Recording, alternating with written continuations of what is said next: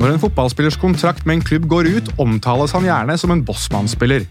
Da står han fritt fram til å signere med hvilken klubb han måtte ønske, så lenge han og den nye klubben blir enige om kontrakt. Slik har det ikke alltid vært. På 90-tallet var det en banebryter som endret fotballen for alltid. Jean-Marc Bossmann.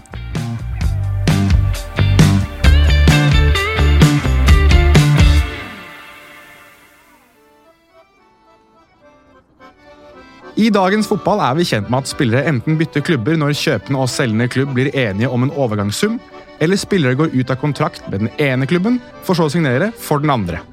Det første tilfellet var på ingen måte uvanlig før. Det andre tilfellet, der spillere signerer vederlagsfritt, er fremdeles en relativt ny ting. Belgiske Jean-Marc Bossmann spilte for klubben RFC Liège i hjemlandet, men hadde ikke helt klart å overbevise sin arbeidsgiver. I 1990 gikk spillekontrakten ut, og Bossmann sto fritt til å forhandle med klubber. Og det gjorde han.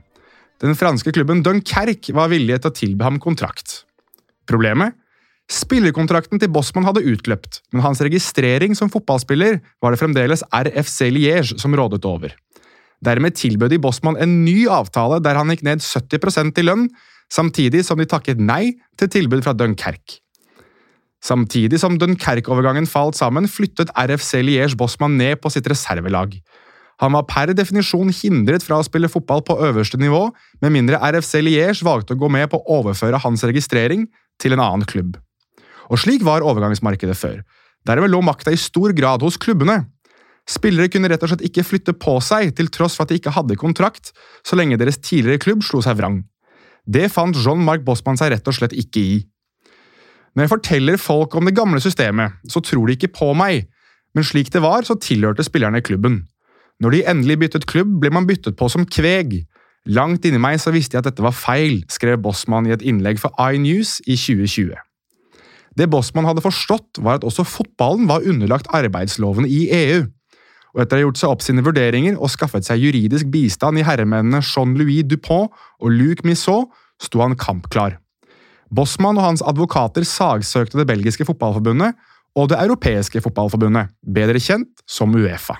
Saken skulle etter hvert ende opp i EUs egen domstol i Luxembourg. I 1990 hadde Bossmann startet sin kamp for rettferdigheten, og i desember 1995 skulle han endelig få sitt svar.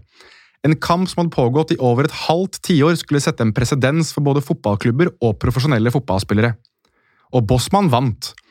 Den belgiske rebellen som nektet å finne seg i å bli fryst ut og stoppet fra å bytte klubb, fikk medhold fra domstolen i EU. Den endelige vurderingen, datert 15.12.1995, ble et før og etter i fotballsammenheng.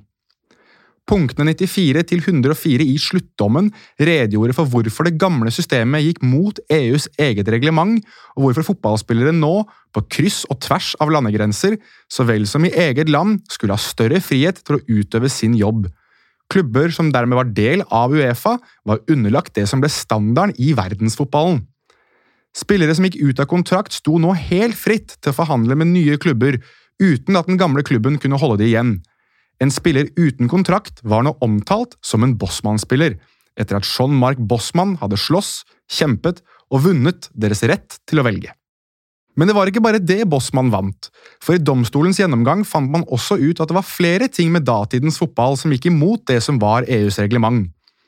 I boken Done Deal av Daniel Gee skriver han om konsekvensene av Bossmann-saken, og uthever punktet om at spillere sto fritt til å bytte klubb etter endt kontrakt. Det andre punktet var at EU-kvoter ble ulovlig i europeiske turneringer.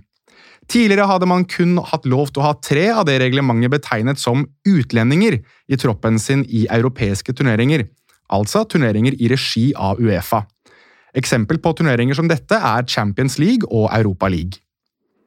For å gi et konkret tilfelle av denne regelen kan vi se tilbake til da Manchester United møtte Barcelona i Champions League i 1994. United, en klubb fra Storbritannia, hadde kun lov til å ha tre ikke-britiske spillere i sin tropp. Irene Dennis Irwin og Roy Keane samt russiske Andrej Kanchelskis fikk plass. Det gjorde ikke den danske keeperkjempen Peter Schmeichel eller stjernespiller Erik Cantona fra Frankrike. United tapte oppgjøret i Barcelona med 4-0. I 1995 avgjorde altså EU at denne regelen var ulovlig, og at verken Uefa eller Fifa, det internasjonale fotballforbundet, hadde rett til å sette restriksjoner som diskriminerte mot spillere på basis av nasjonalitet. Dermed sto klubber fritt fram til å hente spillere på kryss og tvers av nasjoner og ligaer uten å måtte tenke på hvorvidt de hadde kvoteplass. Slik nevnt lå nå makta i stor grad hos spillerne. I større grad satt spillere ut kontraktene sine og signerte vederlagsfritt for en ny klubb idet de sto uten kontrakt.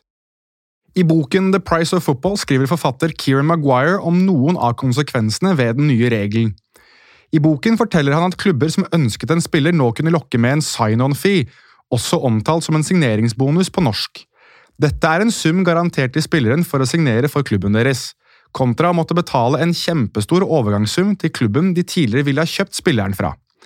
Klubber kunne da unnlate å betale f.eks. 30 millioner euro til en selgende klubb, og heller vente med å signere spilleren til han sto uten kontrakt.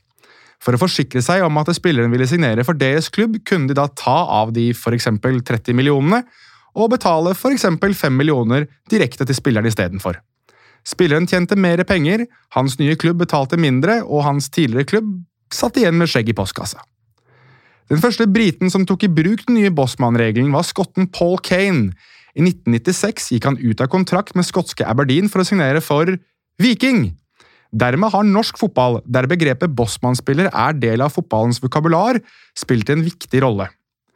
Andre høyprofilerte overganger som skjedde i årene etter, var Steve McManamans overgang fra Liverpool til Real Madrid, kun året etter at Liverpool kunne ha solgt McManaman til Barcelona for over 10 millioner pund, samt Saul Campbell, som gikk fra Tottenham til erkerival Arsenal. Samtidig som spillere fikk mer makt, var det et annet fenomen som dukket opp i fotballen – agenter. I større og større grad ble spillere representert av mennesker som skulle ivareta deres interesser, i første omgang økonomiske interesser.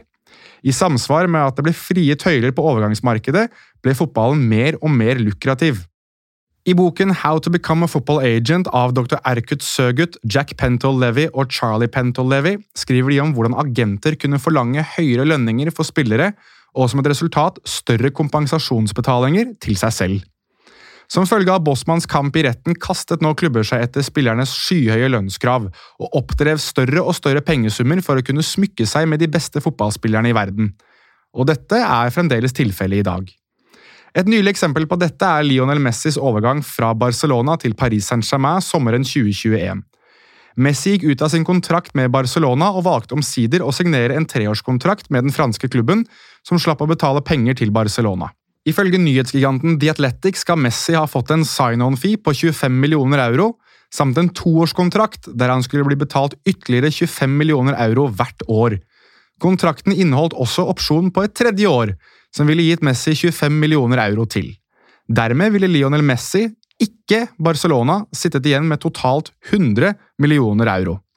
Etter dagens valutakurs er 100 millioner euro det samme som 1,1 milliarder norske kroner.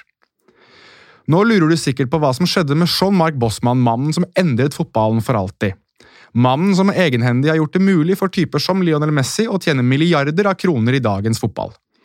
Det naturlige ville vært at han fikk en stor rolle i fotballen, og i dag blir brukt som en stemme i store saker rundt fotballspilleres rettigheter.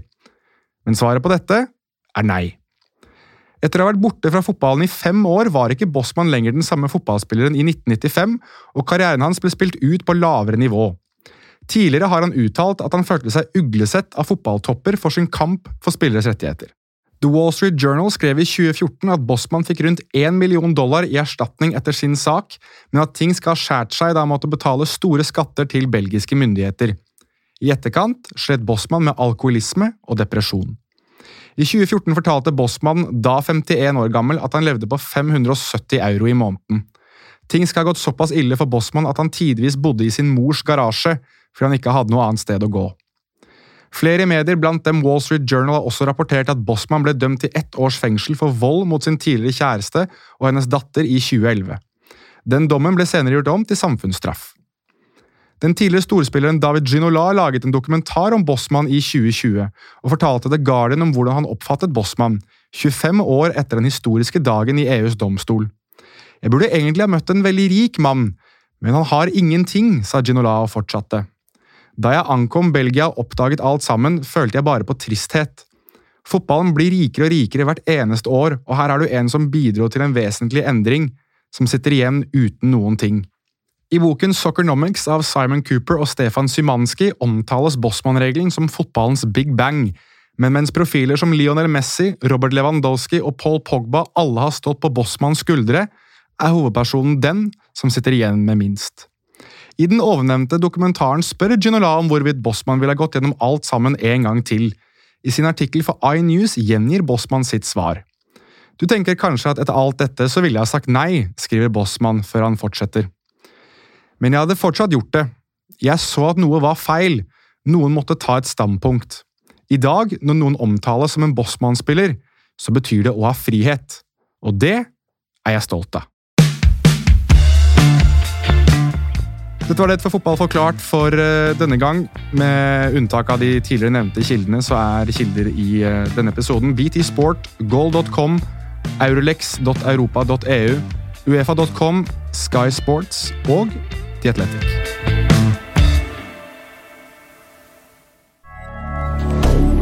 Moderne media.